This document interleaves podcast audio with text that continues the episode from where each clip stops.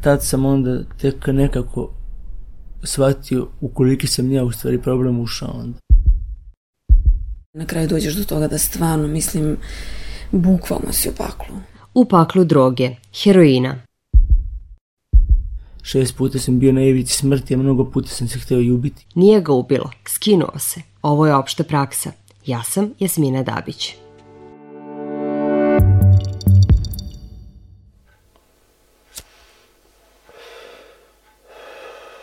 Trava, trava, trava, onda nije bilo trave, kao kad daješ toliko za travu. 500, 500 hiljada, daj može nešto jače. Probao speed. I tako sve do jedne prilike. Drugar kao vidi ovo, ja kažem pa to mi ne izgleda kao speed. On kaže jeste to je speed. Međutim tada je to bio heroin. Ovo je Sava, tako je počeo. Na heroinu je bio tri godine, na drogama ukupno osam. Počeo je sa 16. Većina počne u tim godinama, među njima i Kristina. Sa 19 godina ponovo sam krenula da, se družim sa starim društvom i oni su već bili u heroinu. Oni su počinjali, znači ni oni nisu bili svesni što ulaze, tako da kad su mi nudili, nudili su mi jednu jako dobru stvar, bit će ti jako dobro. Kristina je uzela heroin. I po prvi put u životu videla skroz drugu sliku. Znači odjednom ja sebi lepa, naš, dobiješ samopouzdanje, izašla tamo, počela da pričam, na heroinu se ti oslobodiš jer te on anestezira od svega. Osjećaj je dobar, toliko dobar da je heroin zavolela više od svega. Znači, bukvalno da mi je neko u tom momentu rekao, evo da potpišeš ugovor da ćeš ceo život biti narkoman, ja bih rekla može. Savi i Kristini droga se činila kao izlaz iz mnogih problema. Bio sam nezadovoljan samim sobom, imao sam strahova i neke stvari koje sam krio u sebi. Najveći problem je bio taj moj odnos sa tatom koji je bio jako povučen, nije znao kako da razgovara sa nama, nikad nas recimo nije grlio i takve stvari. A s druge strane jako bio blizak sa mojom braćom. Uzimanjem droge problemi nisu nestali, pogoršali su se. Treseš se, jednostavno ne možeš da razmišljaš. Jedina misa koja ti da se uradiš. A sada nije bitno kako ćeš doći do toga. Čak da li ćeš ubiti nekog, povrediti, ukrasti, Sava i Kristina postaju zavisnici, jer zavisnost je kada nabavka droge postane prioritet, kaže načelnica klinike za bolesti zavisnosti u Kliničkom centru Vojvodine, doktorka Aleksandra Dickov. To je i definisala međunarodna klasifikacija kao jedan od kriterijuma zavisnosti da se zanemaruju sva ostala zadovoljstva na račun toga da se obezbedi samo droga. Kristinina zavisnost završila se intravenoznim ubrizgavanjem heroina. Jako brzo sam počela da koristim uh, tuđe špriceve, da uzimam vodu iz bare.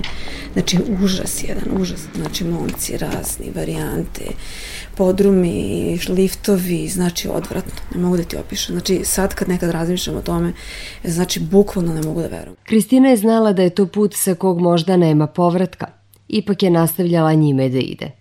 Uzimala je heroin svaki dan, mesecima, godinu i po dana. Znači, više nisam imala nijednu venu. I sve je bilo gore i gore. Na kraju dođeš do toga da stvarno, mislim, bukvalno si u paklu.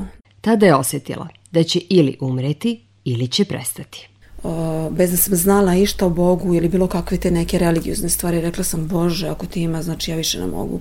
Ili mi se smiluj, promeni moj život ili me oslobodi. Ja više stvarno ovo ne mogu. U tom trenutku Kristina je zavisnik 7 godina. Sa 26 bezuspešno pokušava da se skine. U novostima nađem reportažu u jednom programu koji je tu iz Novog Sada, ovaj hrišćanski program Ovaj, I bez obzira što sam bila tako očena što sam hiljadu puta pokušala i što više nije bilo nade, to što sam videla u tim novinama je probudila neku nadu u meni. Pakuje se i iz Beograda dolazi u Novi Sad. Spas traži u raskršću i nalazi ga. Sada o izlečenju otvoreno govori. U nadi da će njena priča drugima pomoći. Zato što sam mislila, nema teorije da se ja vratim i da ćutim ovome, ja sam se vratila iz mrtvih, ja moram drugima reći. Posle tri godine heroinske zavisnosti i Sava želi da prestane. Tada nastaje njegova prva pesma. Bukvalno su išli ka meni, znao sam da ću biti zatvoren i ja pišem. Ovo nije igra, život me lomi, od malih nogu, u mraku, u komi, u bolu i gladi, bio dete što moralo je svašta da radi. Ne želim da lažem, svakome ću pomoći, ako zaglavim sutra znam ko će doći, brat će moći, da izdrži sve, ako odem neka se niko ne brine. Da ne bi otišao, Sava je zatražio pomoć sestara. Tako sam otvorio dušu i ispričao im sve to i tu je krenulo prvi put sam bio zatvoren na psihijatriji, osam puta sam ukupno bio zatvoren na raznim lečenjima. Njegova borba je trajala četiri godine. Jednostavno, hteo sam da ostavim, ali sam toliko duboko bio u tome da nisam znao kako, nisam imao način. Na tom putu Savina najveća podrška bila je starija sestra Biserka. Znači on se skine, odvedem ga, sedam puta je ležao na psihijatriji, oni meni kažu nije za ovo. On nije ta vrsta narkomana da možemo da ga stavimo na metadon. Ali i to njegovo drogiranje je opasno zavisno i on može od toga da napravi sebi uh, ozbiljne posljedice opasne po život. Sava se lečio na Novosadskoj klinici za bolesti zavisnosti. Tu je načelnica doktorka Aleksandra Dickov. Ona zna koji je moment najkritičniji. Najveći stepen pokušaja suicida i realizovanih suicida je upravo nakon prekida uzimanja. To su rekli i Savinoj sestri kada je on poslednji put odlazio na lečenje. Ovaj put u Sloveniju.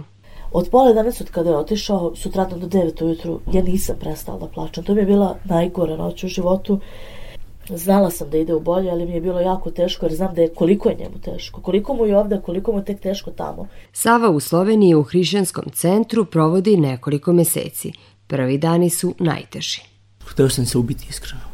Jer toliko godina sam bio u problemu i bežao u drogu iz razloga jer nisam mogu da prihvatim samog sebe. Prihvatanje sebe jeste put ka izlečenju. Doktor Kadickov kaže da se u izboru terapije polazi od toga koji uzrok je doveo do zavisnosti. Znači, ako je neko, primjer, radi e, sklon depresijama, ne može da se uklopi, stalno se lože osjeća i zbog toga je uzima drogu, mi moramo da lečimo depresiju. Bez podrške porodice Sava sumnja da bi otputovao na lečenje, koje je za njega spasonosno, jer 15 meseci on je, kako kaže, čist. Sestra se borila baš da bi se za mene u trenucima kada ja nisam više mogao da se borim. Tačnije kada sam dizao ruke od sebe, ona nije dizala nekako. Umeđu vremenu dobio tumor na dojci. Doktori kažu da je verovatno od svega toga što je to koristio. To su bili takođe tri meseca pakla dok nismo saznali šta je nakon operacije smo saznali da je benigni, Bogu hvala. Ovoj porodici se u nevolji našao Boris Štrbac, bivši heroinski zavisnik, 12 godina čist osnivač udruženja Restart koje pomaže zavisnicima. On je Savi pomogao da otputuje na lečenje. Na roditelje apeluje da obrate pažnju sa kim im se dete druži. Narkotici ne dolaze od dilera, pod znacima navoda, koji dolaze u školu. Toga nema. To su fraze koje ne postoje. Droga dolazi od drugara iz društva, od, od onih koji ti dolaze u sobu, u, u stan, u kuću. Na to upozorava i doktor Kadickov. Jer vrlo često mladi po svim našim anketama imaju pogrešne predstave i iskrivljene mišljenja, netačne informacije koje dobiju od drugara. Šta je droga, da li je ona opasna, da li je laka, teška, znači sve pogrešno. Neki kažu, postoje lake droge, nećeš se navući. Istina je drugačija. Droga je opasna, tvrdi Boris. Detetu treba pomoći da izgradi stav da je nikad neće probati. Oni koji su probali, verovali su da od nje neće zavisiti. Da su znali šta ih čeka, da li bi probali? U dubokim moždanim strukturama dolazi do promena i do propadanja određenih delova mozga i zbog toga je to dobilo status bolesti. Je li droga jako loša? Mnogo je, mnogo je lepši život bez droge. Hvala na pažnji. Slušali ste opštu praksu. Dizajner tona Dalibor Vidović, producentkinja Goranka Jednak Maksimović. Ja sam Jasmina Dabić. Pozdravlja vas do narednog slušanja, kada govorimo o životu sa diabetesom. Opštu praksu slušajte četvrtkom u 12.15 na Radio Novom Sadu i uživo je odloženo na sajtu rtv.rs.